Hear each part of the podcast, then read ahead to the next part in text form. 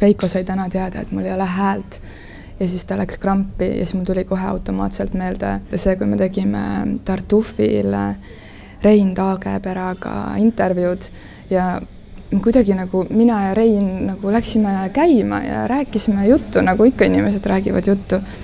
ja siis kuidagi jõudsime nagu äh, oma, oma jutuga tema abikaasa sokkideni. ja nii põnev oli. Ja siis Veiko nagu tundis kuidagi vist, et, et kuidagi väga sokkideks läheb jutt kätte ära, aga me olime Reinuga täiega teemas, soki teemas. Ja siis äh, Veiko pikkis kuidagi meie sokiteema vahele, et aga et kui see sõda lõppes ja siis küüditati inimesi ja et, et kuidas siis ikka, siis me Reinuga vaatasime Veiko poole, issand, meil on mingi sokijutt pooleli, miks sa praegu selle küüditamisega sisse sõidad. nii et äh, noh, sihuke vahepeal aga tegelikult täna võiks rääkida, ei pea rääkima Reinust või kellestki teisest, sest et meil on ju täitsa eraldiseisev inimene külas. Nii et me võiksimegi alustada. Ja me või, meil on Sandra Vabarn on külas, meie need kuulajad, kes pole tema häält veel kuulnud, me ei ole talle mikrofoni andnud. et tänase saate algus tulebki sokkidest siis, et lihtsalt eh, siin on ka küsimus võib-olla, miks inimesed on sokkidega, mitte viisakalt saabastega, teate, mina valasin. Eh, keegi ei öelnud ei võta. mina vaatasin tema järgi. mul ei ole sokke, mul on varbad Nende sokkidega on selline asi, et äh, mina valasin äh, aastavahetusel tina ja siis äh, osa tina valasin endale jala peale. ei soovita seda teha, sest see on valus. ja siis sellepärast ma olen praegu sokkidega, et, et see tina saanud koht hingaks lihtsalt infoks, noh. Veiko, kõik ei pea rääkima oma elust. no me oleme Tartus, Tartu on selline vabaduse linn, eks ole, tudengid, vabadus, kõik panevad ki tina ja kukub soki peale, võtame soki, eks ole, saapast välja ja see on täiesti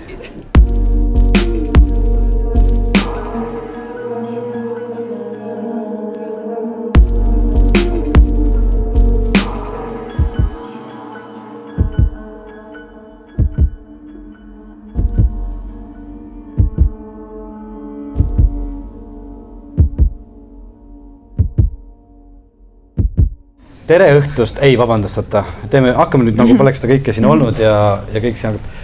tere päevast, head Tartu inimesed, oleme kogunenud siia Forestisse, kell on äh, kolm päeval ja me oleme Elinaga jõudnud Tartusse, meil on käes järjekordne avalik salvestus ja meil on külas täna. oh, ma ütleks, äh, ma, ma julgen seda päriselt kõva häälega välja öelda, minu meelest Eesti üks ägedamaid naismuusikuid, Sandra Vabarna, teeme talle suure aplausi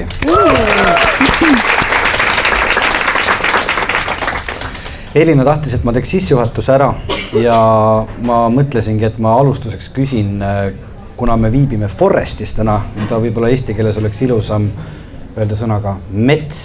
meil on siin väga suur inimmets, need, kes meid ei näe, vaid kuulevad podcast'i vahendusel, siis siia on tõesti täna tulnud nii palju inimesi vaatama, et me pidime võtma mikrofoni kaasa ja sellepärast natukene siin kumab ja kajab ka.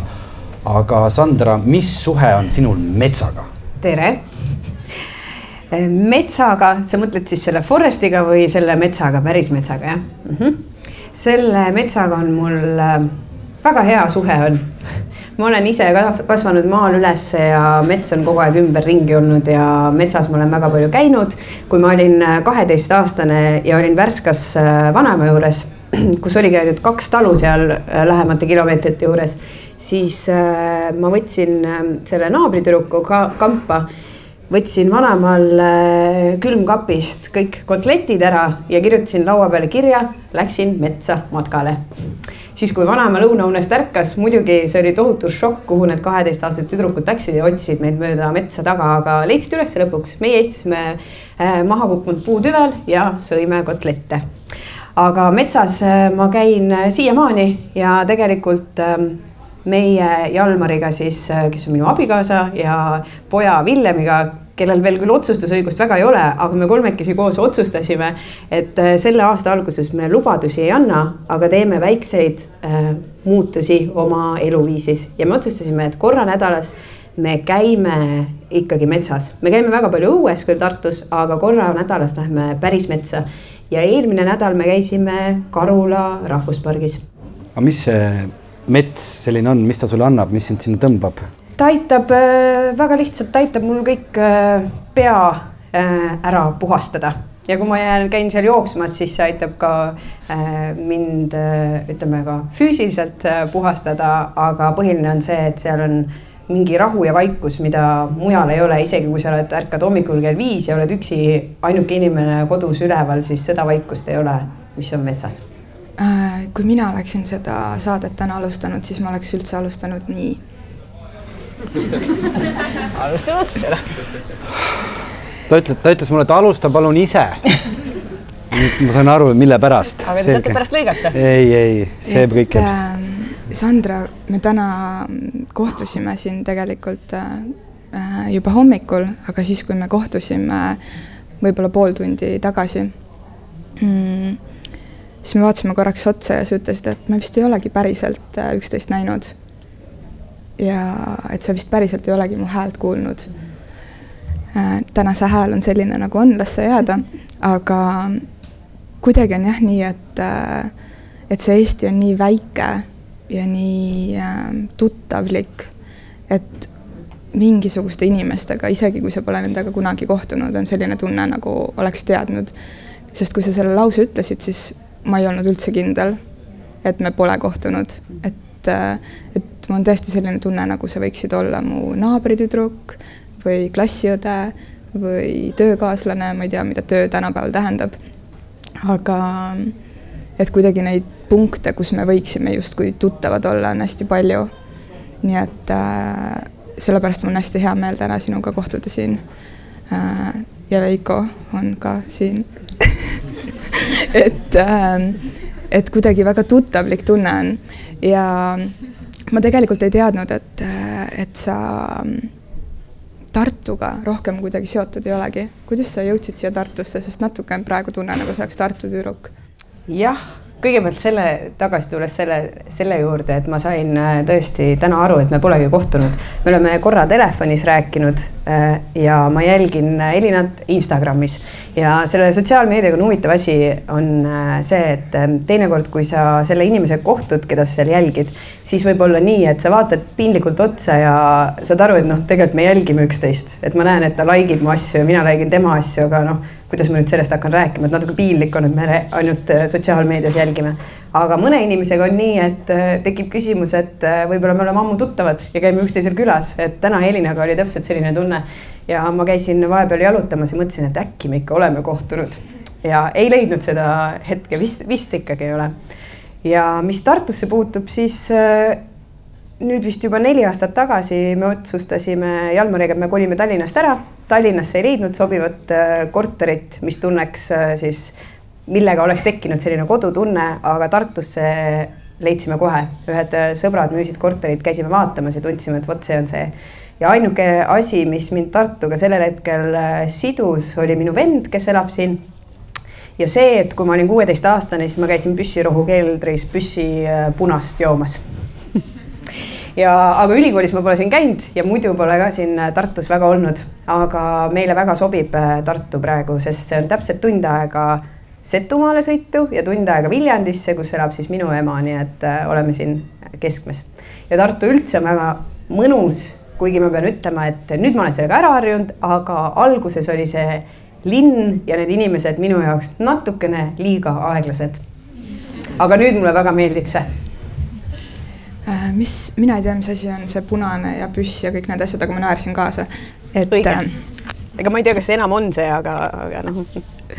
Äh, mis sa tunned, kui palju mõjutab sind see, et kus sa elad, kus linnas sa elad, et praegu ma arvan, et mingisugune vanus, kus me oleme, alati viib inimesed sinnamaale, et hakatakse rohkem vaatama kuidagi seda elukoha asja ja võib-olla mingisugune selline kiirem tööratas on kuidagi tehtud ja teadlikkus on natuke tõusnud, et sa reaalselt hakkad mõtlema selle peale, et kus ma tahaksin hommikul üles ärgata.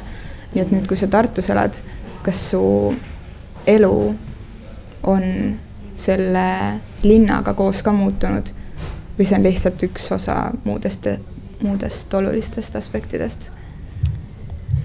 minu jaoks on ikkagi olulisem see kodu, kus ma elan et kas seal on see tunne, see kodutunne ja äh, selles äh, majas, korteris, kus me praegu oleme, seal on see täiesti olemas ja sellest mulle piisab. ehk siis äh, kui see maja oleks kuskil mujal, siis ma võib-olla elaks praegu kuskil mujal. aga Tartu jällegi ma tunnen, et, et ma olen siin kuidagi väga kohal, mulle meeldib siin olla, eriti mulle meeldib, kui me tuleme bändiga reisilt ja tuleme siia ja ma suudan ennast poole päevaga kõigist reisiväsimusest, pingestest maha laadida. Äh, kui vastupidiselt, kui ma olin Tallinnas, siis ähm, see kestis veel paar päeva, see reisilt tulemine. Ja eriti hea kogemus mul oli siis, kui me tulime viienädalaselt äh, USA reisilt ja viimane linn oli New York, kus ma kõndisin äh, viis tundi üksi ringi ja järgmine päev jõudsime Tartusse ja ma, ja ma kõndisin enda kodu juurest, mis on siis, kes teab, võib-olla Toome poodi, Toome mäe kõrval, siis Toome poe juurest kõndisin kesklinna äh, Raekoja platsi ja ma ei kohanud mitte ühtegi inimest ja see oli nii tore tunne, et korraks tekkis äh, tunne, et kas tõesti on maailma lõpp või ma olen ise surnud, aga ei olnud, vaid see oli lihtsalt rahulik Tartu ähm,. Hüpates tagasi sotsiaalmeedia juurde, sest et ilmselt see on ka see, kus ma kõige rohkem tean su kohta, siis ähm, mul on jäänud mulje ja on väga suur tõenäosus, et see on tõsi, et sa reisid palju. Ja teine asi, mis mul on silma jäänud, on see, et, et sinu elu mingisugusel perioodil on saatnud väljakutsed, mida sa oled esitanud endale, oma perele või siis nendele, kes tahavad liituda. Hmm.. Kaks teemat. alustame väljakutsetest, mis värk nendega on? mulle on meeldinud alati ennast proovile panna ja esimene, tollel hetkel ma ei teadnud, et see on väljakutse, aga kui ma olin äh, selline teismeline, ma arvan, kaksteist, kolmteist, neliteist, äh, siis ühel suvel ma mõtlesin, et äh, meil oli minu siis maakodust, emakodust, mis on Viljandimaal, oli kodunt järveni oli umbes kaks kilomeetrit sõita ja mõtlesin, vot täna ma käin seitse korda ujumas tegin kaks korda ära, ülejäänud päeva magasin ja, ja pärast seda ma ei mäleta, et ma oleks otseselt teinud väljakutseid, aga see on tulnud minu ellu hiljem tagasi tegelikult jooga näol ja ma käisin ühe guru juures joogas, ma ei pidanud üldse sinna minema, pidi mu õde minema, aga sattusin mina, nagu ikka mõne elus juhtub. ja siis see joogaguru ütles, et minus on väga palju viha. Minus on väga palju viha ja sellest saab lahti nii, et äh, sa teed neid teatud harjutusi äh, iga päev. Ja siis ma uurisin ühe tuttava käest, kes ka tegeleb joogaga, et mis see iga päev tähendab, et siis kas nagu äh, nädala teen ära või millal see viha üle läheb. Ja siis tema ütles, et neil on joogas selline kirjutamata reegel, et sa pead sada päeva järjest tegema. Ja kui sa jätad ühe päeva vahele, siis hakkad nullist. Ja siis selle peale ma mõtlesin, ma ei mõtelnud sellele, et kuidas sellest vihast lahti saada või kas ma saan, ma mõtlesin, oo põnev väljakutse. et davai, ma teen ära, et näidake, kas see viha läheb siis üle või ei lähe. ja kõige raskem päev oli, arvake ära, milline teine? teine päev just, vaata, teine päev on üldse sealt äh, mul kuidagi jõudis see enda teadvusesse, et teine päev on kõiges raskem, teine päev on raske siis, kui sa oled näiteks läbinud mingi operatsiooni, teine päev on raske siis, kui sa oled saanud teada, et äh, keegi su lähedased on surnud, ei ole see päev, kus sa saad teada, vaid see teine päev on. et äh, kuidagi on nii, et esimene hetk on võib-olla see šokk, sa magad ära ja siis sa saad aru, et ahah, see nüüd ongi nii. Ja, ja teine päev oli raske, aga ma ületasin selle teise päeva, jõudsin sajani välja ja see kogemus oli lihtsalt äh, midagi väga võimast. ja, ja hiljem ma olen mõtelnud, et mis see siis seal oli, et ei olnud need harjutused ja ma ei tea, kas ma nüüd vihast sain lahti, aga äh, see oli see, et ma võtsin iga päev see kolmkümmend minutit ainult endale Äh, ma ei olnud telefonis, mul vist tollel ajal polnudki üldse nutitelefoni, aga äh, ma ei olnud arvutis, ma ei mõtelnud teiste inimeste muredele ega muule maailmale, vaid iga päev kolmkümmend minutit pühendasin endale. et ma arvan, et päris kindlasti tänapäeval inimesed kas nad nädalaski leiavad enda jaoks pool tundi, et, et, et sa oled ainult iseenda ja oma mõtetega, et ma arvan, et seda on liiga vähe ja kui seda tegelikult võtta, seda aega, siis need muutused võivad olla väga imelised. ühesõnaga, ma tegin selle ära ja sealt kuidagi nagu jätkusid, et tuli veel selliseid väljakutseid, igasuguseid jaburaid väljakutseid ka ja nüüd neli kuud tagasi kas te tahate vahepeal midagi küsida või, või räägin edasi? mul on väga hästi. neli, neli kuud tagasi ma otsustasin, et äh, aitab väljakutsetest miks, sellepärast et ma sain aru, et ma olin jäänud kinni mingisse rattasse, et ma tegin väljakutse. tegin ära siis kuu aega, sada päeva, mis iganes perioodi ma olin pannud ja siis kukkusin tagasi sellesse eelmise, eelmisesse siis ähm, nii-öelda elusse. ja tegelikult isegi kui mulle see väljakutse perioodil tehtud tegevus, asi, mis iganes meeldis ja see andis mu elule väärtust juurde, siis ma ikkagi lõpetasin ära. ja ma esitasin endale septembri alguses küsimuse, et aga mis ja kas on võimalik ikkagi oma harjumusi muuta nii, et nad jäävad meile külge igapäevaselt ja nendest saavad meie uued harjumused.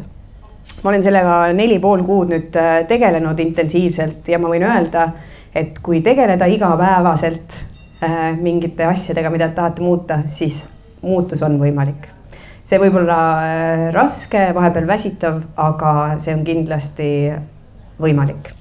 ja minu suur äh, katse oli see, äh, ma olen väga palju asju, harjumusi siis muutnud selle ajaga, aga üks asi, mis ma tahtsin teada saada, et kui sa jõuad õhtul koju, oled super väsinud kellel on lapsed, on lapsed magama pannud, on veel rohkem väsinud ja siis äh, mis näiteks minu puhul oli tavaline, et ma ei jaksanud enam tööd teha, aga ma tegin lahti Netflixi.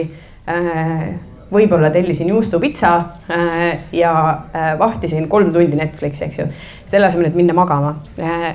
ja ma tahtsin teada, et kas on võimalik, et ma saan ennast ümber programmeerida nii, et ma lähen koju. ütleme, et olen ikkagi väga väsinud, panen lapse magama.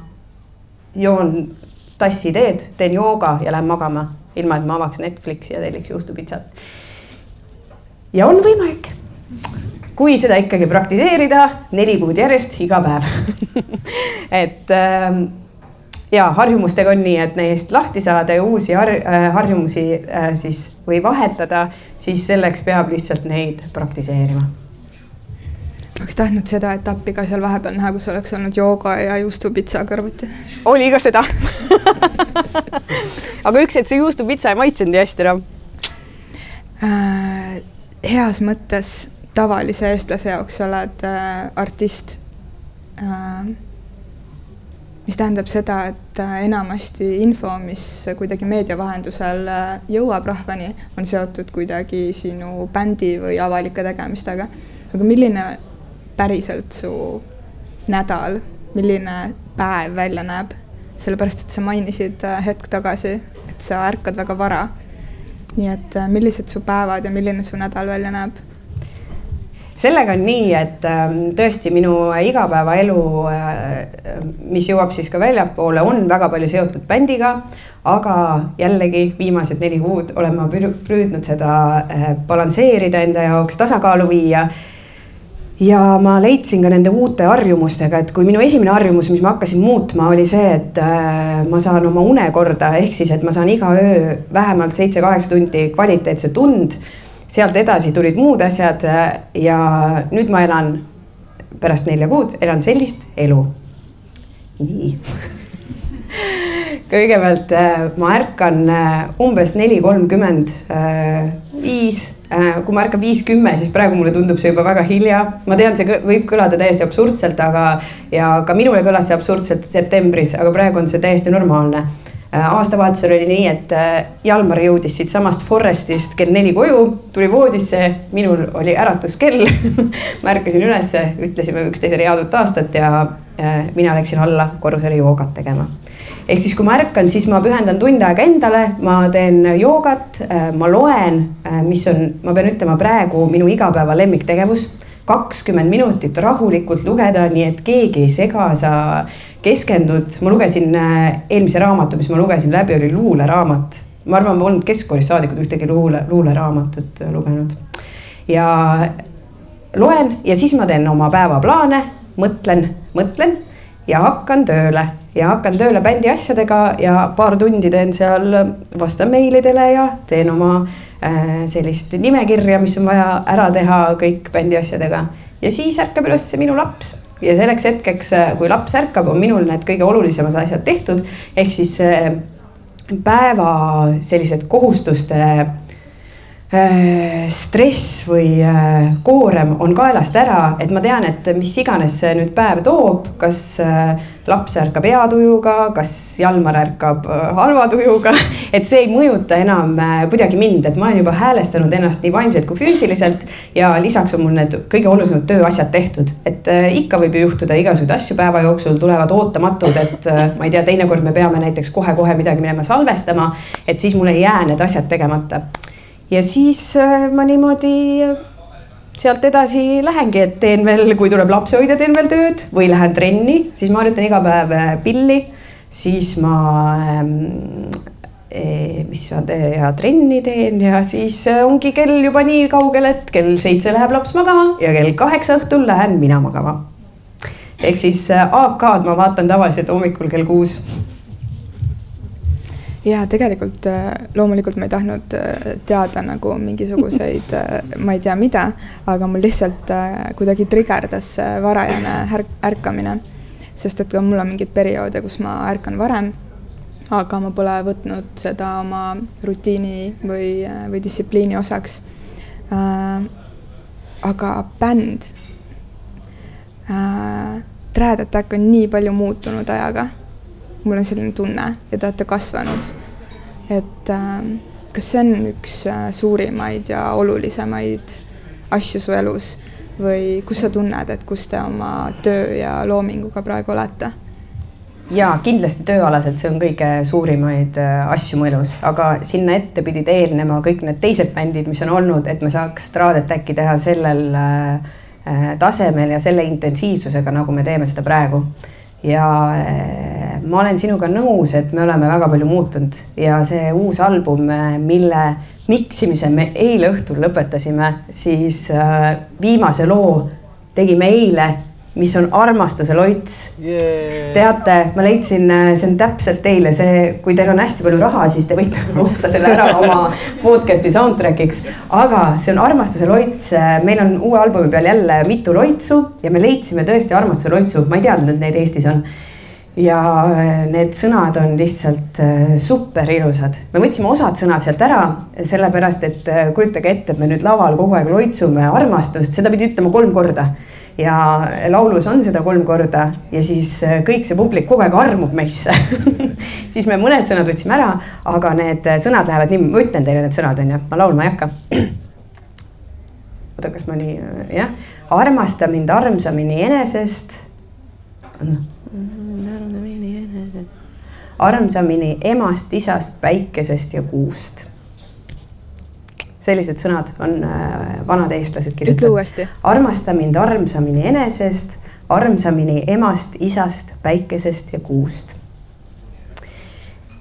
ei olnud ilus või ei, väga ilus oli, mul lihtsalt sellega seoses tuli meelde, et ma just nädalapäevad tagasi kuskilt kuulsin, keegi rääkis ka loitsudest ja äh, nendest laulmisest ja oli tuleloitsust juttu. ja samal ajal läks midagi põlema, et ma just tahtsin. Austraalia võib-olla läks Austraalia põlema, ma ei tea, päris nii hullult ei mõtlenud. aga ma pigem mõtlen seda, et kas sa ise, no ma nüüd torkan küsimusega vahele, neid loitse esitades, lauldes, tunned ka, et nendes on mingisugune jõud, teeb see sind natuke ettevaatlikuks, valid sa sõnu? sa praegu ütlesid ka, et te jätsite mõned sõnad välja, et publik ei armuks teesse. on nendes jõud sees? Neis on kindlasti jõud sees, kui äh, seda teha Äh, mõttega ja teadlikult ja kusjuures meile on isegi öeldud, et äh, meil on üks selline lugu nagu kuukene. Ja see on kuuloits, mis, millega vanasti pöörduti siis kuu poole, et äh, saaks energiat, tervist, ilu. Ja, ja seda lauldakse siis, kui kuu kasvab. aga tollel kontserdil kuu just kahanes ja siis öeldi, et me tegelikult ei tohiks seda laulda laval aga kuna see on eh, ikkagi ka nii-öelda nagu kunst, mida me teeme ja lavaolukorras, siis me päris sellistest reeglitest kinni ei pea. aga on laule, mida me ei too kunagi lavale, üheks on näiteks itkud. Eh, ma olen ise näinud, kuidas Setumaal see traditsioon ka osaliselt elab ja Jalmari õde on eh, itkunud sealsamas, itkenud sealsamas haua peal. Ja vot see oleks minu jaoks väga ebamugav, kui seda peaks tegema laval, et see on nii personaalne selle inimesega, kes on kes on siis ära läinud. Äh, aga, aga armastuse loitsuga tegelikult ma mõtlesin, on nii tore, kui on, mida rohkem armastust ja armu vist on õhus. et äh, aga ma usun, et see võib, võib ikkagi toimida, et äh, kõik ju mõtted, mis sa kuidagi lased ikkagi universumisse lahti. Need võivad toimida, mul tuli lihtsalt sellega praegu meelde, et kõik need harjumused, mis ma olen muutnud, on ju, ma võin öelda, et ka see tulem praegu on see, et ma olen ise, ma tunnen, et ma olen ise palju äh, õnnelikum ja ma tõesti naudin igat päeva nii, et isegi kui on stressirohke päev, siis äh, ma naudin ka seda stressi. see on, võib-olla see on natuke maniakaalne, aga et, äh, et see on kuidagi toonud minu ellu sellise rahulolu, et mul on hea elada iga päev, ma tõesti ärkan ülesse, nii nagu mu ema ütleb, et elurõõm ajas ülesse ja mõnikord ma ärkan isegi ennem kella ülesse, et see on tohutult hea tunne ja ja ma viskasin detsembri alguses ühe mõtte, et ma mõtlesin, mida uuel aastal ma tahaks teha ja ma mõtlesin, et kui keegi pakub mul avalikult rääkida teemadel, mida äh, ma tunnen või bändist või enda tegemistest, siis ma ütlen sellele jaa. Ja kaks päeva hiljem helistas mulle Elina. Ehk siis äh, ma usun, et see mõttejõud on väga tugev. Nüüd selle pika jutu lõpuks sulle vastates. Ja selle armastuse loitsuga tahtsin veel öelda seda, et eh, kes kuulavad meie bändi, siis eh, teile ka väike üllatus, et eh, seal ma mitte ei laula üksi, vaid sellel lool laulab kaasa üks Eesti tuntud meeslaulja. See ei ole Jalmar, see ei ole meie bändi trummar, vaid see on üks tuntud laulja, kellele me saatsime selle loo, kui see oli valmis. ja ta helistas meile, ütles, et ahah, et see on teil selline pro-, poolik versioon veel või? ja siis me äh, et tegelikult nagu ei ole, et mis sa muidu ise mõtled. ei no mõtlesin, et siin võiks olla sellised nagu teised hääled ja natuke kaanonit ja, ja siis mõtlesime, no aga tee oma versioon siis. ja, ja siis ta laulis natuke juurde ja nüüd ta läheb ka meie plaadi peale. Kas tahate teada, kes see on või? mis te arvate? ma just tahtsin no,, hakkasin mõtlema. no see minu pakkumine näeb välja midagi sellist, et ma nüüd mõtlen. või tahad ise pakkuda? noor või vana? kust hakkab noor no ma ei tea, alla neljakümne, üle neljakümne. nelikümmend. ma arvan, ei, ma arvan pigem alla, ei alla jah ah,, ma ei okay. ole kuulnud, et ta oleks sünnipäev olnud. ma ei tea. kas keegi publikust tahab pakkuda? Tuntud ja. no ikka tuntud jah, ma võin tuntud. öelda, et äh, ta on ka nomineeritud tal tuli see aasta alb-, eelmisel aastal album välja, ta on nomineeritud ka Eesti muusikaauhindadel. kes see? ei ole nööp, nööpiga ma küll käisin ühel ööl ühel mängul, aga nööp ei ole. Erki Pärnoja. ei ole Erki Pärnoja, ei ole Reket. Come on, nad on kõik alla neljakümne vaata, kui häid mõtteid saame, siis järgmine kord teeme. no ta on selline. Ära ütle, ütle vihjeid, nii tore. ta ütlebki vihjeid. tal tuli sellel kevadel tuli plaat, tal tul-, on üldse hästi produktiivne olnud, peaaegu iga aasta annab plaate välja. jaa. au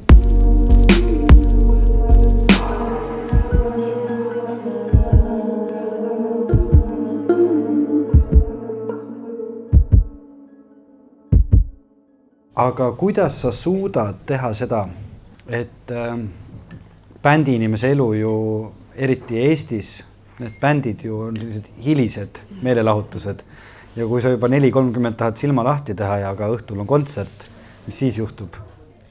pigem, et kui ma tahan kell kaheksa magama minna, mis ja. juhtub, onju.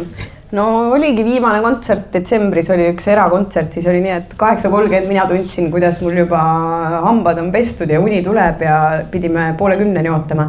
et eh, siis ma tegelikult teen lihtsalt päeval väikse, eh, noh, tegelikult ma teen iga päev väikse une, aga ma teen siis pikema une päeval ja, ja, ja magan ikkagi täis oma kaheksa tundi, see on äh, nagu prioriteet, et siis ma ei aja ennast neli kolmkümmend ülesse, kui ma kell kaksteist saan äh, magama. aga me jällegi ei ole selline bänd, kes iga nädalavahetusel mängib klubides või sünnipäevadel, et meil ei ole väga tihti seda probleemi. ja ma olen ka vihjanud niimoodi, et kui keegi kutsub esinema, siis ma olen vihjanud, et äkki saaks varasemaks kontserti panna, aga nad veel minu järgi ei ole muutnud.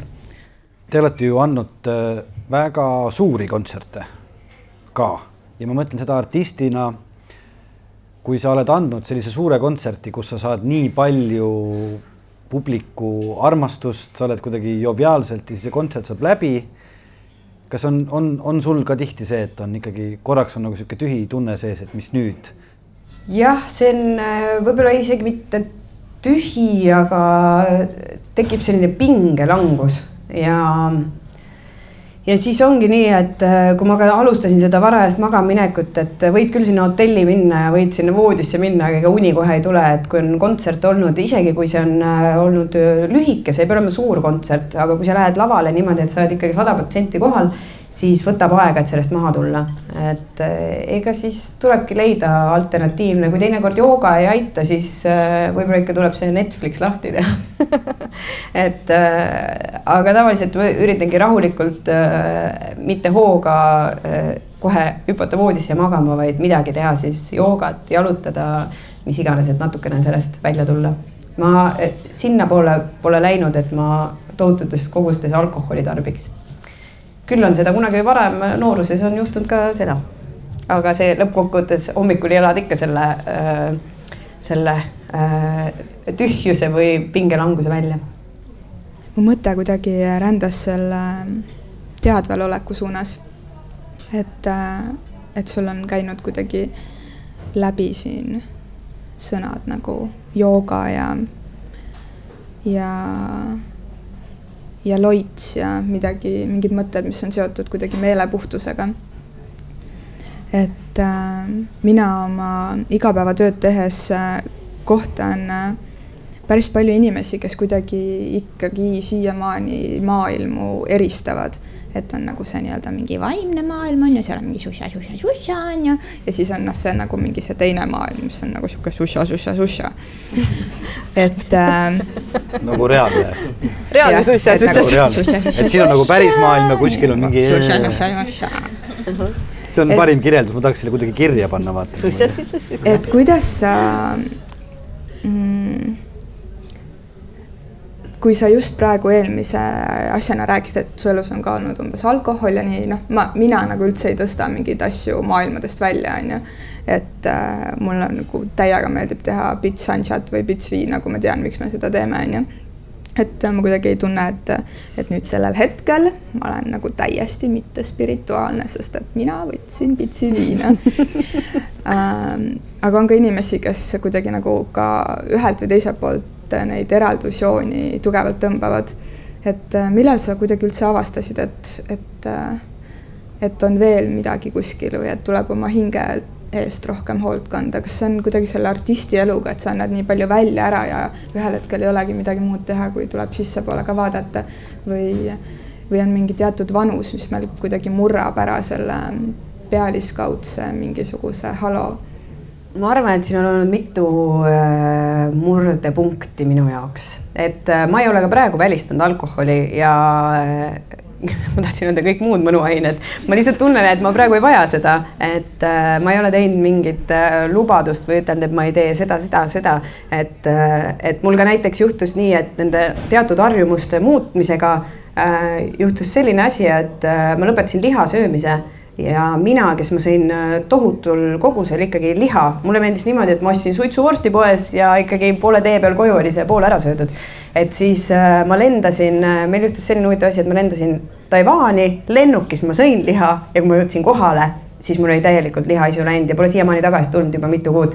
et võib-olla tuleb, ma ei oska öelda, et ma olen kuidagi järjest rohkem hakanud oma keha kuulama, aga ma ei teinud seda varem et äh, pigem olen ma olnud selline et, sada kümme protsenti kogu aeg täis rauaga ja siis äh, keha võtab ise selle aja maha, jääb haigeks, äh, on mingi aja haige, taastab, aga teadlikult ähm, niimoodi jah, ma olen teinud joogat, aga võib-olla see on olnud minu jaoks pigem nagu selline füüsiline, et keha füüsiliselt vastu peaks aga sellele, et ma olen hakanud ka mõtlema, et tegelikult kõik muu on oluline, siis ütleme, et teadlikult mõtlen ma sellele ikkagi äh, viimased, äh, ma arvan, pool aastat intensiivsemalt, ma olen kindlasti teinud seda varem, äh, mitte teadlikult, aga nüüd ikkagi palju teadlikumalt, et see et see on tervik, on ju, sama, et ma tõesti, ma võin ka võtta selle pitsi hansat ja see ei lõhu minu maailma ära, et see on üks äh, nagu terviklik, raske on sõnadesse panna, terviklik maailm, et see ka ei tähenda seda, et kui ma teen joogat ja mediteerin, et ma nüüd ei tohi olla sotsiaalmeedias. et, äh, et kui sa teed kõike äh, mõõdukalt ja sa tunned, et sa suudad ise selle juures vaadata peeglisse ja jääda nagu ausaks endale. et, äh, et ei pigista kuskilt silma kinni, et siis, siis ma arvan, on nagu kõik dimensioonid nagu võimalikud. kas see vastas su küsimusele?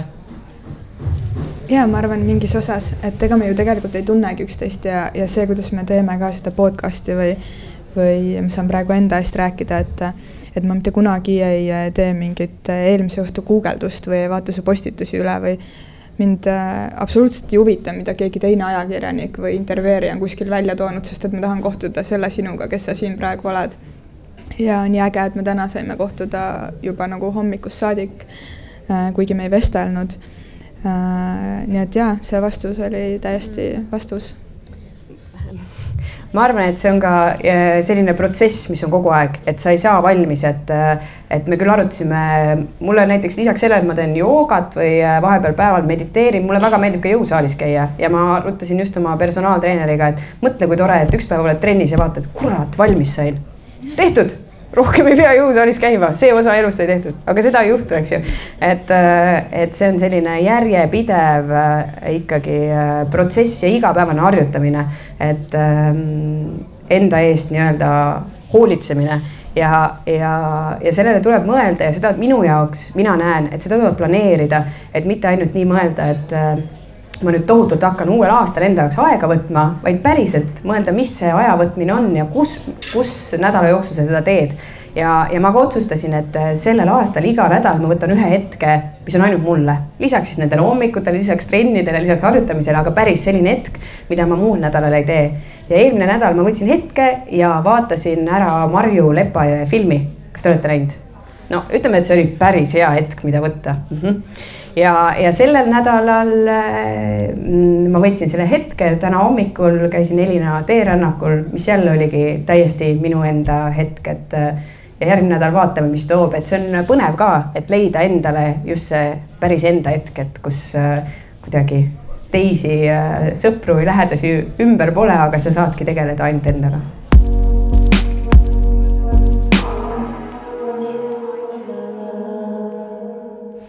kui sa kujutad nüüd ennast ette kuskile, kus sa olid väike, ma ei ole kunagi seda küsimust küsinud, sest see on kõige lollim küsimus maailmas. Aga... ja mina tundun niisugune inimene, kellelt küsida sina tundud, et sa suudad sellele päris ägedalt sulle tundub, et Sandra on olnud väike mulle tundub, et Sandra suudab ägedalt vastata.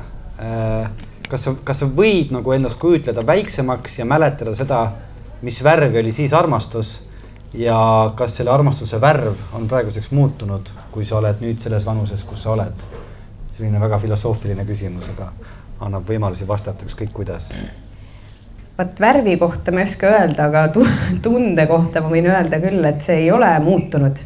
see on ikka sama eh, heas mõttes kõrvetav ja elev tunne, eh, mis tekib ja kui ma mõtlen ka tagasi esimesi eh, armumisi, kas siis olid need inimesed või olid need midagi muud siis äh, no näiteks vanaema pontsikud või, või äh, mingi äh, jalgratas esimene ja nii edasi, siis see tunne on ikka sama ja see saadab mind see saadab mind tänaseni. Ja tead, ma ei olnud pikalt, see on huvitav, huvitav, oi, siit tuleb huvitav.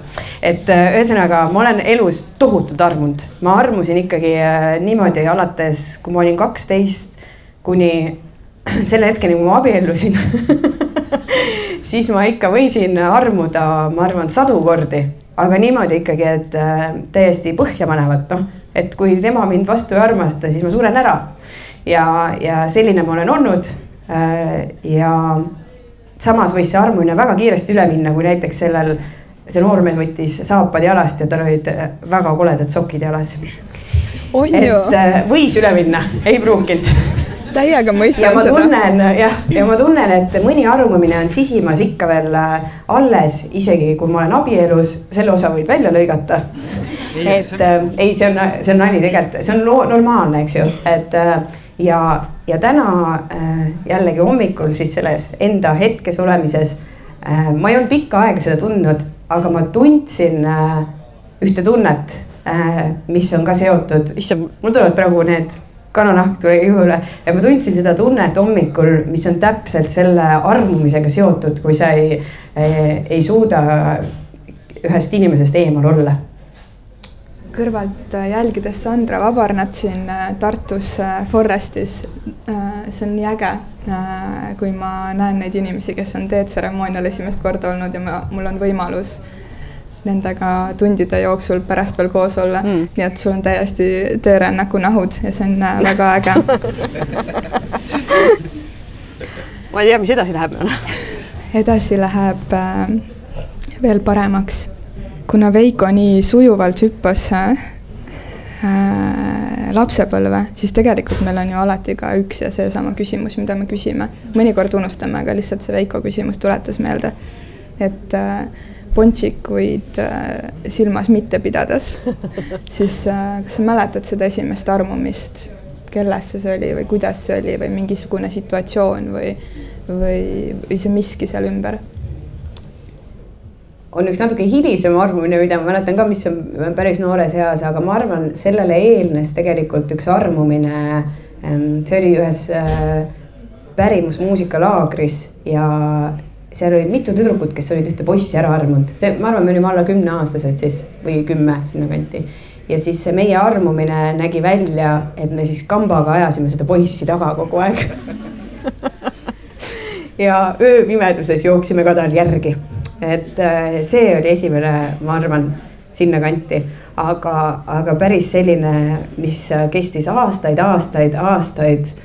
Äh, selline ar-, armumine, et ma olin täiesti kindel, et me kunagi abiellume ja me kunagi noh, kõik elu on meie päralt, oli siis, kui ma olin kaksteist ja ma olin Viljandi pärimusmuusikafestivalil, seisin lava ees ja mängis üks mees mängis torupilli mm,. kui seksikas mängis torupilli, tal olid sellised pikad juuksed, ta oli musklites maikaga ja, ja ma vaatasin teda ja ma armusin kohe ära ja see jäi aastateks minuga. no muidugi ta suutis veel öelda teisel õhtul seal festivalil kuidagi äh, kuidagi sattusime ühte lauda vist istuma. see muidugi tundub mulle nii absurdne, kui ma rääkisin, räägin praegu vanusest kaksteist, eks ju. aga ta ütles, et kui Sandra saab kaheksateist, siis ma abiellun temaga. noh, ja kuidas sa ütled kaheteistaastasele sellist asja? loomulikult ma ootasin need kuus aastat.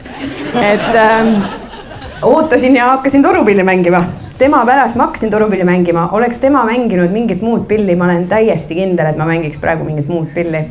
et äh, ja ongi nii vot see oli selline, selline armastus, mida ma tunnen, et äh, nüüd me oleme muidugi head sõbrad, ta käis ka meie pulmas ja äh, kuigi ta vahepeal äh, paar aastat enne pulmi helistas mulle üks öö, võib-olla oli natuke alkoholi olnud, küsis, et äkki ma tahaks temaga ikkagi abielluda.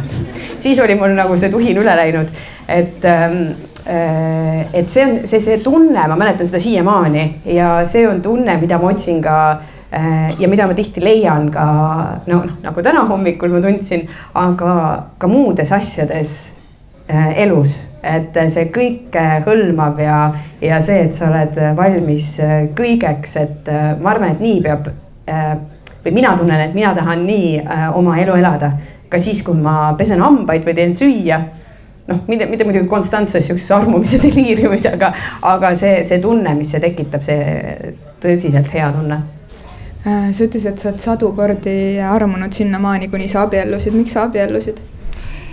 see on mm,, miks ma nüüd abiellusin, et äh, tegelikult ähm, ma olin ka Jalmaris niimoodi armunud mitu korda ja äh, tegelikult Jalmariga juhtus selline asi, et äh, jällegi Viljandi pärimusmuusikafestivalil.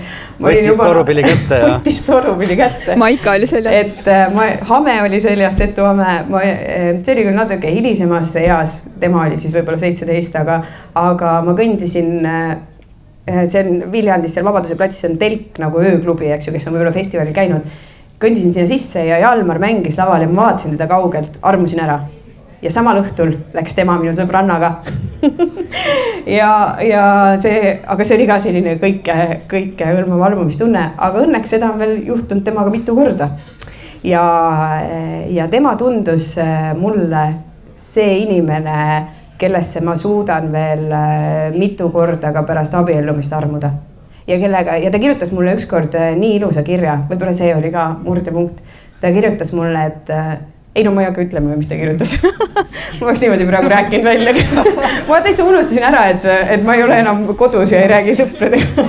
Et, ähm, et ta kirjutas mulle ühe väga ilusa kirja ja, äh, ja ah, mis siin ikka, kui me hakkasime juba rääkima, las täna läheb siis nii, et ta kirjutas, üks selline lause oli, et äh, ta kirjutas mulle, et äh, ta tahab elu kogeda just minuga ja, ja siis ma sain aru, et see ei ole lihtsalt see, et äh, me armume, käime väljas, äh, naudime kehalisi rõõme aga vaid see on see, et ta tahab ka tervet muud elu, kõiki neid kogemusi, mida elu pakub, just minuga kogeda. ja see oli see hetk. kuna sa teed oma abikaasaga koos ka tööd, bändi, siis äh kui keeruline või lihtne on oma eraelu ja tööelu kas siis lahus või koos hoida ja mida teie jaoks see suhte eest hoolitsemine tähendab? see on, äh, pigem on ta keeruline, sest äh, me oleme mõlemad äh, nii emotsionaalsed, et me ei saa nii teha, et me tõmbame ukse kinni ja rohkem ei räägi sellest, mis stuudios just juhtus või et me nüüd ei hakka kuulama seda lugu, mis me just lõpetasime stuudios miksimise, et nüüd on koduasjad et loomulikult me räägime edasi sellest ja teda häirib muidugi see rohkem, kui me noh, kunagi, kui me läksime koos samal ajal magama siis mina võisin veel räägida, rääkida mingist plakandikujundusest, et äh, voodis, aga, aga nüüd me proovime, et me järjest vähem ikkagi võtame koju kaasa neid ähm, bändi asju, et äh, et äh, võtame selleks aja, kui me räägime ja hommikul mina olen teinud endale sellise reegli, et tund aega siis, kui Jalmar ärkab, siis ma ei räägi temaga tööasju, sest mina olen kõigega juba meilidega kursis, mis toimub, aga et ma ei alusta tema päeva tööasjadega. ja et meil on mingi muu äh, selline tasand, kus me alustame oma päeva koos ja, ja samamoodi me oleme otsustanud, et me oleme pühapäeva võtnud täiesti nuti, neti, ekraanivabaks ja ka töövabaks. Ka nii, et kui me sõidame autoga kuhugi, siis me ei räägi tööst. et see võib vahepeal ununeda, et ripsab ikka mingi lause sisse, aga me, me proovime, et me seda ei tee. ja samamoodi nagu mina võtan endale iga nädal hetke, nii me otsustasime, et äh, me võtame ka Jalmariga koos ühe hetke. Ilma ka lapseta siis, et muidu me võtame lapsehoidja kogu aeg, et tööd teha, aga endale nagu ei mõtle. Ja, ja eelmine nädal me käisime koos äh, Vooremäel käisime matkamas paar tundi see nädal vaatasime, et jube kiire nädal tuleb, et mis me teeks koos, siis ma tegin ettepaneku, kuule, teeme hommikul kell kuus joogat koos. Ta, ta muidugi lükkas selle aja poole seitsmele, siis ma läksin, ajasin ta üles, hästi unine, Jalmar tuli sinna keldrisse hakkasime tegema koos joogat. Et aga tegelikult see lõppkokkuvõttes oli väga tore, nii et, ähm, et me otsime ka selle, selle nimel tuleb äh, teha tööd, sest, äh, sest muidu nagu see päris töö äh, tapab ikkagi selle mm, kuidagi omavahelise intiimsuse seal ära. kas publikus on tekkinud küsimusi vahepeal, tahaks keegi, tõsta käsi ole ja siin on laternad silmis, kui keegi tahab küsida. mul on mitu, aga valin ühe siis. ja ma lihtsalt hakkasin mõtlema, et te ju kasutate oma muusikas neid arhiivsalvestisi ja ja siis äh, üks küsimus oli mul ka seotud selle nagu teadvalolekuga. aga kui, kui te olete nagu hästi palju nii-öelda kontaktis selle vana ajaga ja nende laulude ja loitsude ja ütlemiste ja asjadega ja et kui palju nagu see kontakt äh, aitab mõtestada sul sellist tänast äh, olemist sest mul miskipärast on nagu raske uskuda, et see on teie jaoks lihtsalt mingi keegi kuskil istus ja keegi pani käima ja, ja siis me nüüd kasutame seda natuke. Ja see ei ole kindlasti meie jaoks keegi kuskil, et äh, mina olen äh, selle protsessi käigus, ei ole nii, et ma kirjutan arhiivi, et saatke mulle paar lugu, vaid ma tunde-tunde kuulan neid. Ja mis mulle tegelikult kõige rohkem, lood meeldivad ka, aga mulle meeldivad need jutud. Ja teinekord ma lähen äh, täiesti niimoodi sisse sellesse, et ma jäängi kuulama neid vanu inimesi ja mul tuleb juba see pilt sinna silme ette ja kuidas nad istuvad seal köögilaua taga ja keegi salvestab neid et äh, ma kuidagi lähen nendega äh, nagu sinna laua taha, mul on selline tunne. ja äh, ma muidugi Äh, vahepeal siis, kui oli see äh, tihedam loomeprotsess, päris iga päev ma arhiivisalvestisi ikkagi ei kuula. Äh, siis ma tõesti kuulasin selle loomeprotsessi käigus iga päev, isegi nii, et ma tegin jõusaalis samal ajal võtsin jõudu ja kuulan, kuidas keegi tädikene laulab seal või räägib, kuidas hundid tulid ja siis nad sõid kõik ära. et, ähm, et see on minu jaoks mingi maailm, kuhu ma saan rännata et äh, ja muidugi on eriti tore, kui tekib äh, teinekord veel mingi sild äh, elavatega ehk siis nende lastelastega või või sugulastega. Ja seda on juhtunud meil. Ja see on nii tore hetk, et just ennem kui me uut albumit hakkasime tegema, siis me andsime ühe singli välja nimega Lubadus ja kirjutas meile üks naine, kes ütles, et tema naabri naine tuli eile nende juurde ja ütles, et Elmaris lasti sinu vana-vanaema. ja siis ta hakkas uurima ja tuligi välja, et Prade Attack oli võtnud selle salvestise, kus tema vana-vanaema siis laulis. ja tema ei teadnud üldse, et tema vana-vanaemat oli laule salvestatud ja, ja ta läks arhiivi ja sai oma vana-vanaema kohta teada palju. et mulle alati meeldivad sellised äh, jälle nii-öelda juhused või Äh, sellised liinid, mis tekivad? Äh, ma ise täpselt samamoodi tahtsin arhiivi kohta küsida, nii et aitäh selle küsimuse eest publikust. et, äh, et üks on see, et, et see on selle maakeel, kus me elame ja oleme ja kus me hingame ja mõtleme ja tunneme ka selles keeles.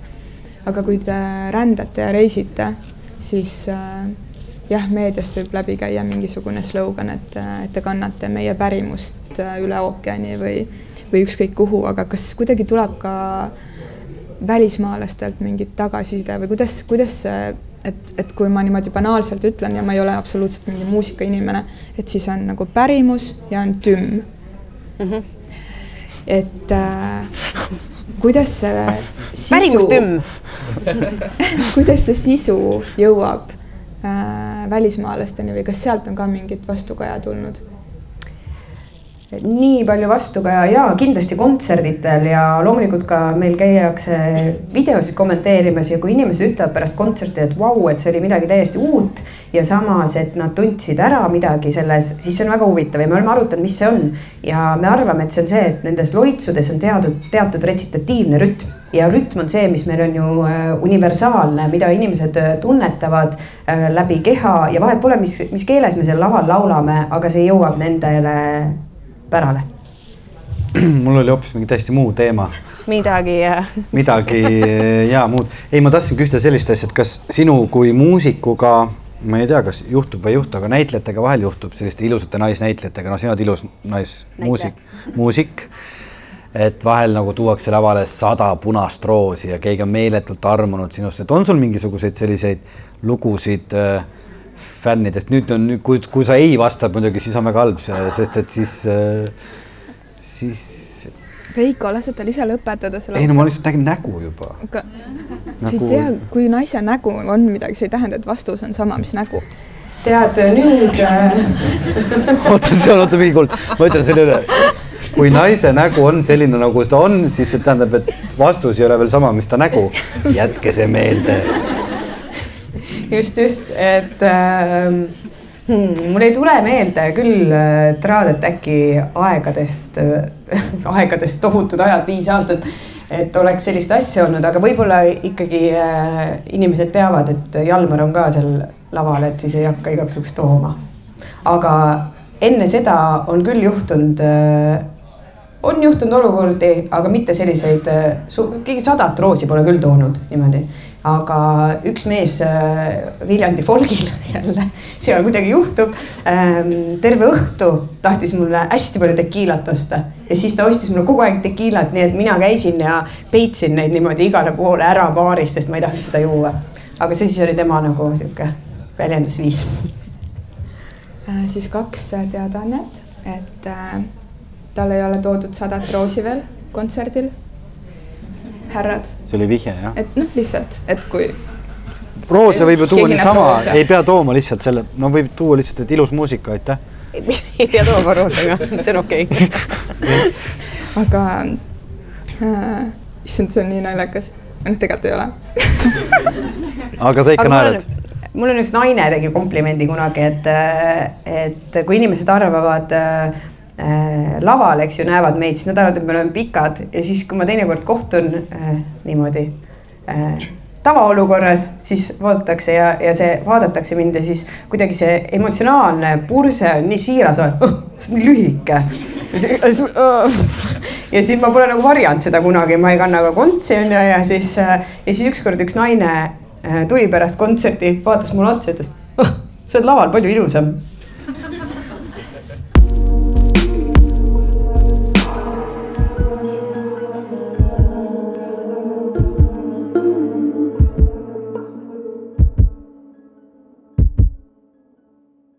Eile oli aasta esimene täiskuu ja kuna me kohtusime naisteringis, siis ühel hetkel ma kuidagi seal ringis olles sain aru, et, et, et mida kaugemale see õhtu läheb, seda lähemale jõuab see tänane päev, millal me kohtume.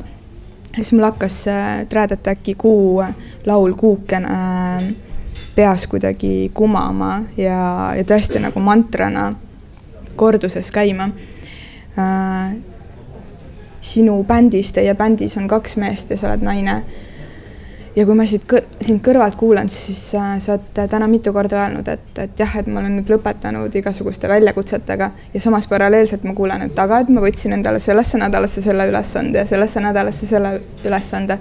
et, äh, et mulle tundub, et sa oled hästi selline tugev naine või selline vedur, kes nagu veab. kuidas poistega bändi tehes on, kas, kas äh, sa saad ka kuidagi naisena lõdvestuda nende kätele või äh, vedada neid äh, äh, pigem kuidagi selle naiseliku jõuga ja et ma tahan sellele vastata, et sellel nädalal teen seda ja sellel nädalal seda, et need ei olegi minu jaoks enam väljakutsed, vaid ma tahan neid oma igapäevasesse, iganädalasse ellu sisse harjutada, et sellepärast, et kui ma ühel nädalal ei saa teha, siis ma ei nii-öelda ei kuku läbi väljakutses, et see ei ole see eesmärk aga, aga ma tõesti mm, vean seda bändi nii-öelda eest, ajan asju ja mina selle natuke käivitasin, sellepärast et Jalmaril oli sellel hetkel, kuna meil ei olnud plaanis seda teha nagu põhiasjana, meil oli kõigil teistel nii palju bände, pluss Jalmaril tuli just Girly Stringsiga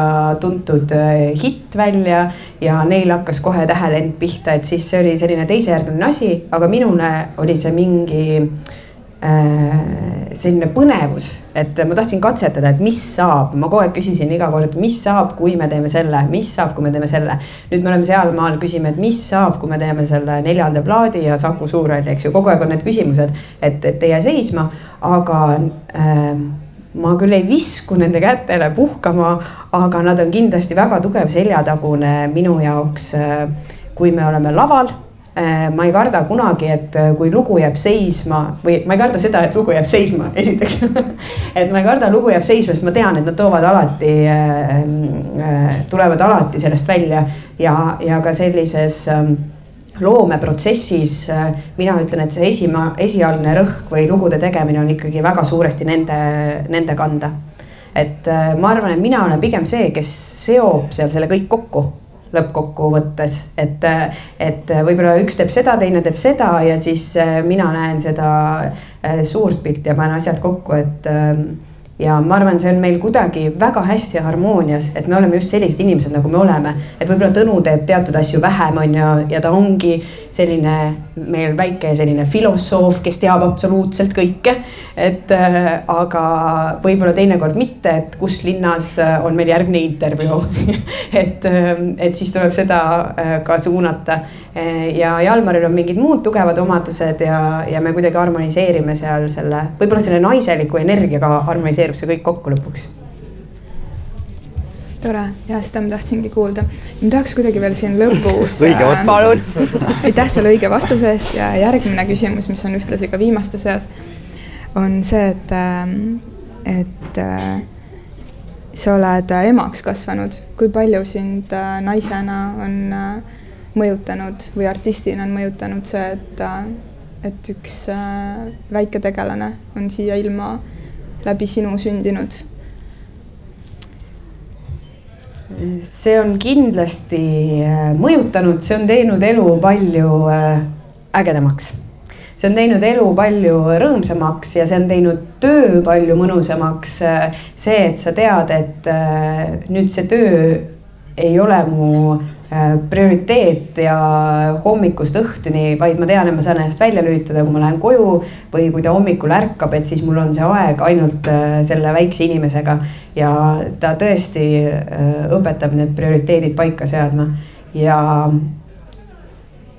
see on väga palju mõjutanud ka selles osas, et ma näiteks naudin palju rohkem laval olemist jällegi eriti seal alguskuudel, et äh, kui ikkagi ema on see võib-olla kõige olulisem, kellega laps on kogu aeg ja kes ju teda toidab, et siis äh, ma tundsin seda vabadust, et oh, ma saan nüüd lavale minna, ma saan olla artist. Ja need äh, mõlemad asjad on üksteist väga palju toetanud ja, ja toitnud ka. Lugesin kuskilt kas mingit pealkirja, et te tahate eesmärk on kõikidesse riikidesse jõuda. kas, kas see on võimalik? no me rääkisime sellest aasta tagasi ja arvutasime natuke, võtsime oma vanused ette ja nii edasi. et kui me kohe kiiresti ei hakka tegutsema, siis me arvame, et see võib-olla meie eluajal pole võimalik. aga me otsustasime, et äh, me pärandame selle bändi oma lastele ja nad saavad seda edasi teha ja viia meie missiooni lõpuni, et äh, et ähm, ma arvan, noh, kunagi muidugi ei saa öelda seda, et see ei ole võimalik, et võib-olla kuidagi ikkagi on, aga, aga mingitesse riikidesse võib-olla ei ole tark praegu minna ja nii edasi. Ja, ja tegelikult see ei ole meie sada protsenti, sada protsenti prioriteet, et äh, meie esmane eesmärk on ikkagi teha jätkusuutlikku karjääri ja, ja, ja, ja teha seda selle muusikaga just, mida meie tahame kirjutada. mitte seda, et meile keegi hakkab kirjutama ette, et kuulge, see müüb, on ju.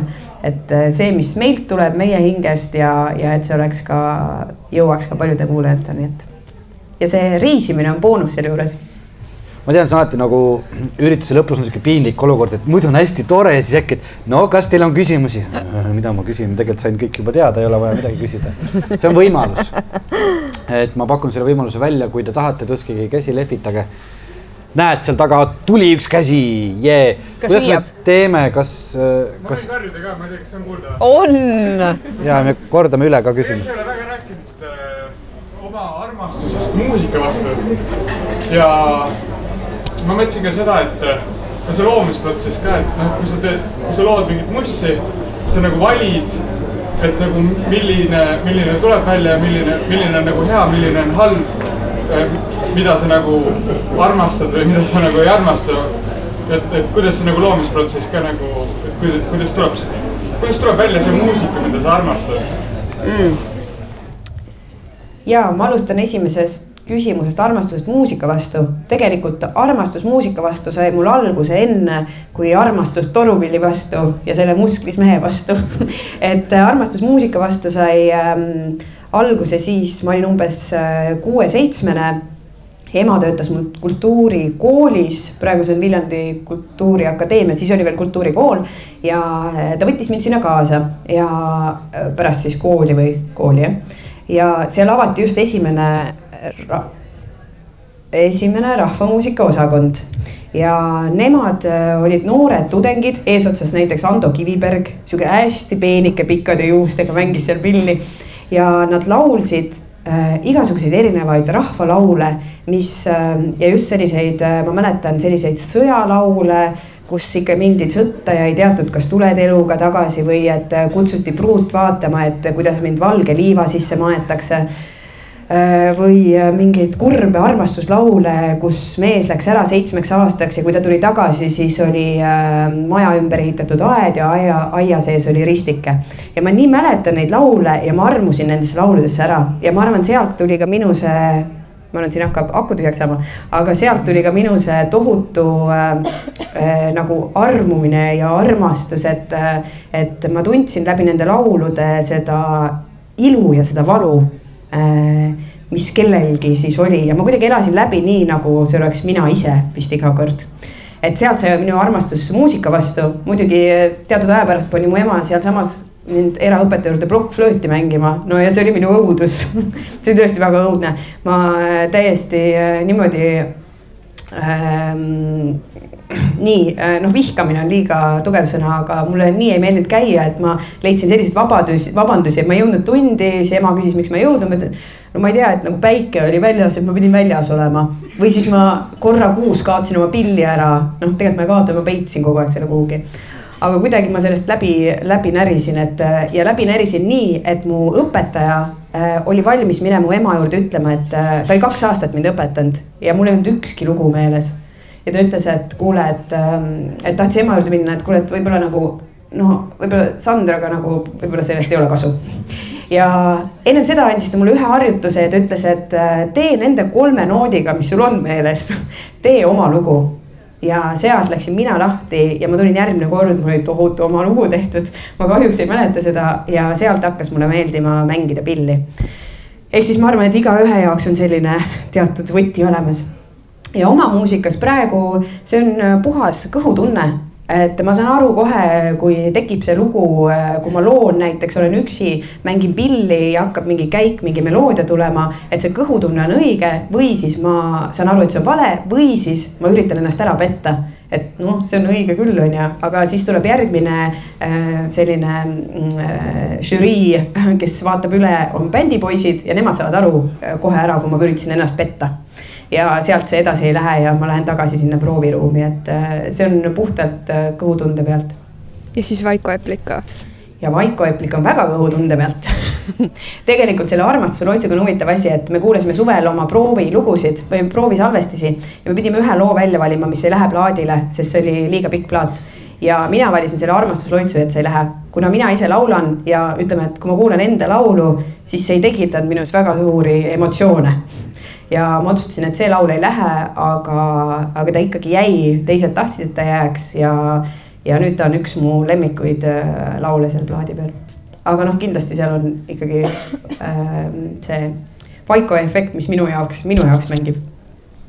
me tegelikult ei äh, planeerinud üldse seda aastat äh, alustada naistega ja kuna aasta esimene saade oli Liina Ravneet Elvikuga ja teine on sinuga, Sandra, siis mul on tunne, et me natukene peame siin naistega veel jätkama. et ma tõesti ei tea, kes järgmine naine on, aga mul on tunne, et, et see võiks kuidagi äh, naistega jätkata, nii et kui meil kuulajatel ka kellelgi on mingi tunne, et kes võiks olla kaks tuhat kakskümmend armastusest podcasti kolmas saatekülaline, siis praegu on need vihjed eriti teretulnud. aga Sandra, aitäh, päriselt aitäh, ma käin Tartus äh, jube harva, Veiko võib-olla tööga seoses suts rohkem. ja Tartu on nii kummaline linn, ma üldse nagu ei saa aru, ma ei tea, et kui keegi räägib mingist Tartu vaimust, on ju, see oli see mingi punane püssijook ja igast muud asjad. ja ma nagu üldse, üldse, üldse ei ole pihta saanud sellele Tartu äh, kuidagi mingile sellele miskile ja minu jaoks see on nii lummav, et see Tartu nagu lappab minuga kuidagi ja, ja, ja kui mul äh, kodus on kõik äh, kuidagi, äh, et ma oskan näppu pulsil hoida, siis Tartu alati kuidagi nagu tõmbab mind seiklustesse ja natuke nagu lammutab minu struktuuri. nii et äh, ma olen väga mm, ootel, mis sellel nädalavahetusel siin täiskuuga veel juhtumas on ja mul on tõesti hea meel, Sandra, et äh, et kuna ma tegelikult ei räägi avalikult, kes käib teetseremoonial, aga kuna see tuli meile jutuks ja sa ise ka seda ütlesid, siis äh, mul on nii hea meel, et me kuidagi häälestasime sõnadeta juba hommikul ja et äh, et, äh, et me saime täna nii vestelda. nii et äh, aitäh sulle, et sa kõne vastu võtsid, kui ma helistasin sulle, aitäh, et sa selle kõne tellisid paar päeva enne ja, ja nagu mul ikka meeldib mõelda, et kohtume järgmine kord ükskõik kus. et äh, mul on ka see aasta või alustada niimoodi, tegelikult Setumaal veel ei ole ju uus aasta, alles tuleb et äh, head vana aasta lõppu kõigile. et ähm, see on tore vahepeal oma mõtted valjult äh, välja öelda, välja öelda, sest siis need saavad ise ka selgemaks, sest mis mina olen äh, leidnud, võib-olla nüüd kõige olulisem nende viimaste kuurde juures on just see selgus.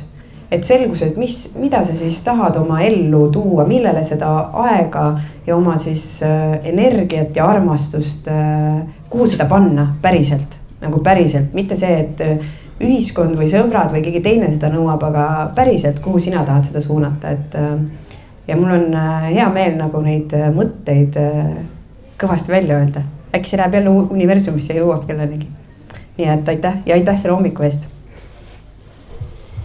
ja aitäh teile, kes te tulite meid siia kuulama, teid oli tõesti oodatust väga palju rohkem, nii et meie podcast'i kuulajatele ka, et kui te vahepeal siin lihtsalt nüüd salvestusjärgselt kuulete, et midagi tuleb kõlarist, midagi tuleb mujalt, et siis see on lihtsalt suure huvi tõttu Sandra ja tema tegemiste vastu. väga tore, et te tulite meid kuulama, kuulake siis kindlasti Tähedet äkki, neil tuleb varsti uus äh, plaat välja. seda leiab äh, parimatest interneti striimimisteenustest ja ja aitäh teile. suur tänu, Tartu, näeme